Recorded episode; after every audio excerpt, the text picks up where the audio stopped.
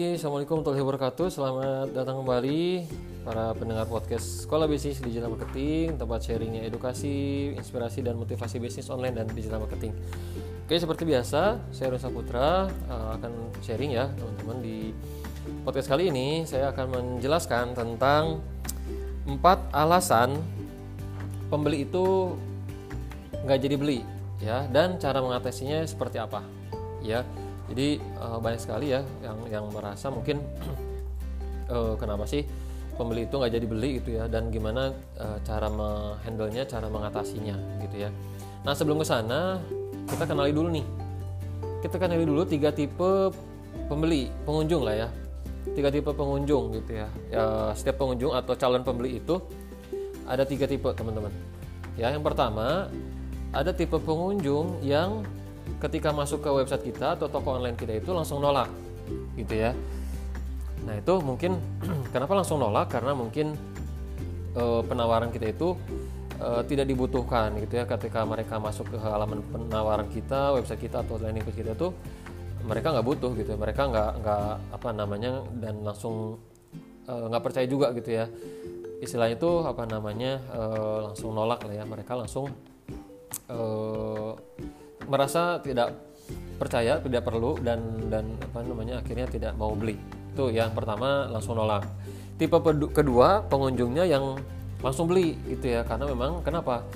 Ya karena mungkin penawarannya bagus produknya juga uh, apa namanya uh, bagus juga dinilainya dan dan apa ter, uh, bisa dipercaya juga harganya terjangkau dan dan apa di, di langsung yakin gitu ya si pembelinya dan itu langsung beli ada kayak gitu tipe ketiga orang atau pengunjung itu yang lihat-lihat gitu ya baru lihat-lihat lihat websitenya lihat landing page-nya tapi dia tidak langsung beli nih.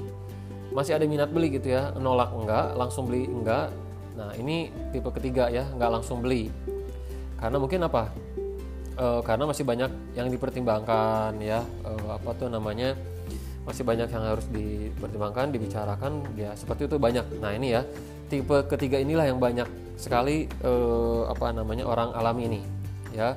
Yang nolak sih mungkin ya memang udah apa wajar orang nolak. Yang langsung beli juga ada juga tapi nggak terlalu banyak. Dan yang banyak itu adalah lihat-lihat minat beli tapi nggak beli ya. Karena mungkin uangnya lihat mungkin eh, belum percaya dan sebagainya. Nah sekarang gimana caranya teknik tekniknya gitu untuk mengatasi empat alasan pembeli ini yang eh, nggak uh, yang nggak jadi beli ini gitu ya Oke, yang pertama nih alasan orang gak jadi beli yang lihat-lihat dulu gitu ya, itu biasanya mereka mempertimbangkan uh, dari sisi manfaatnya, gitu ya. Mereka ingin tahu sih apa sih manfaatnya, apa sih perubahan atau untungnya untuk saya gitu. Nah, jadi cara mengatasinya, solusinya ya setiap di website atau di penawaran kita itu harus dijelaskan manfaatnya, teman-teman. Gitu ya, harus jelas detail dari value-nya, benefitnya gitu nanti mereka itu akan apa namanya e, dapat apa? Mereka nanti perubahannya apa? Manfaat setelah menggunakan produk kita tuh seperti apa? Misalkan ya herbal. Jelaskan tuh khasiatnya nanti ya apa yang mereka akan khasiatnya bisa menyembuhkan apa bisa mengatasi e, masalah kesehatan apa gitu ya. Kalau misalkan baju jelaskan ya. Manfaatnya mungkin apa namanya e, bahannya nyaman ya kan? Bisa di segala e, cuaca dan sebagainya. Pokoknya jelaskan manfaatnya. Itu harus jelas gitu ya. Jadi teman-teman kadang orang itu nggak beli bukan karena harganya mahal bukan karena nggak suka tapi nggak jelas sih manfaatnya. Jadi sekali lagi uh, solusinya adalah jelaskan manfaatnya. Harus harus detail gitu ya. Kedua nih ada orang yang uh, kurang percaya gitu ya. Ini benar nggak sih penawarannya? Ini ra masih ragu meragukan ya tidak meyakinkan kurang percaya atau di istilahnya itu apa? Uh, skeptis ya bahasanya tuh. Jadi dia masih meragukan kita gitu ya Nah, solusinya gimana supaya dia nggak ragu, supaya dia yakin? Maka dari sisi kita siapkan pembuktian-pembuktian, teman-teman. Ya, pembuktian itu contohnya uh, apa testimoni ya berupa video, berupa screenshot uh, dari uh, apa namanya pembeli yang sudah merasakan nasihatnya atau perubahannya atau yang puas ya dari dari dari pembeli yang puas itu nah kita minta testimoninya itu ditampilkan teman-teman itu bahasanya adalah social proof ya semakin banyak apalagi uh, tokoh ya tokoh publik publik figur yang yang uh, sebagai testimoninya itu akan menambah keyakinan si calon pembeli itu. Itu jadi kalau untuk me, apa, me, menambah memberikan orang biar percaya yakin ya itu seperti itu kasih pembuktian.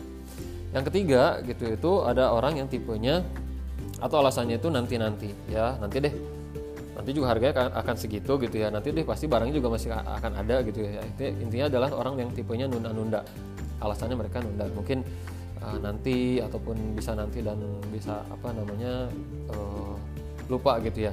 Nah solusinya kalau kayak gitu uh, kita kasih teknik batasan teknik limitasi teknik scarcity gitu ya. Itu kita kasih batasan. Contoh produknya ya limit batasannya dalam produk. Misalkan produk ini terbatas hanya uh, eh, 100 piece ya limited edition. Misalkan kayak gitu bisa atau dalam batasan waktu ya terbatas hanya sampai tanggal berapa atau sampai jam berapa. Atau scarcity ya dalam misalkan terbatas hanya untuk 100 uh, eh, orang pertama dan sebagainya. Intinya kasih batasan ya.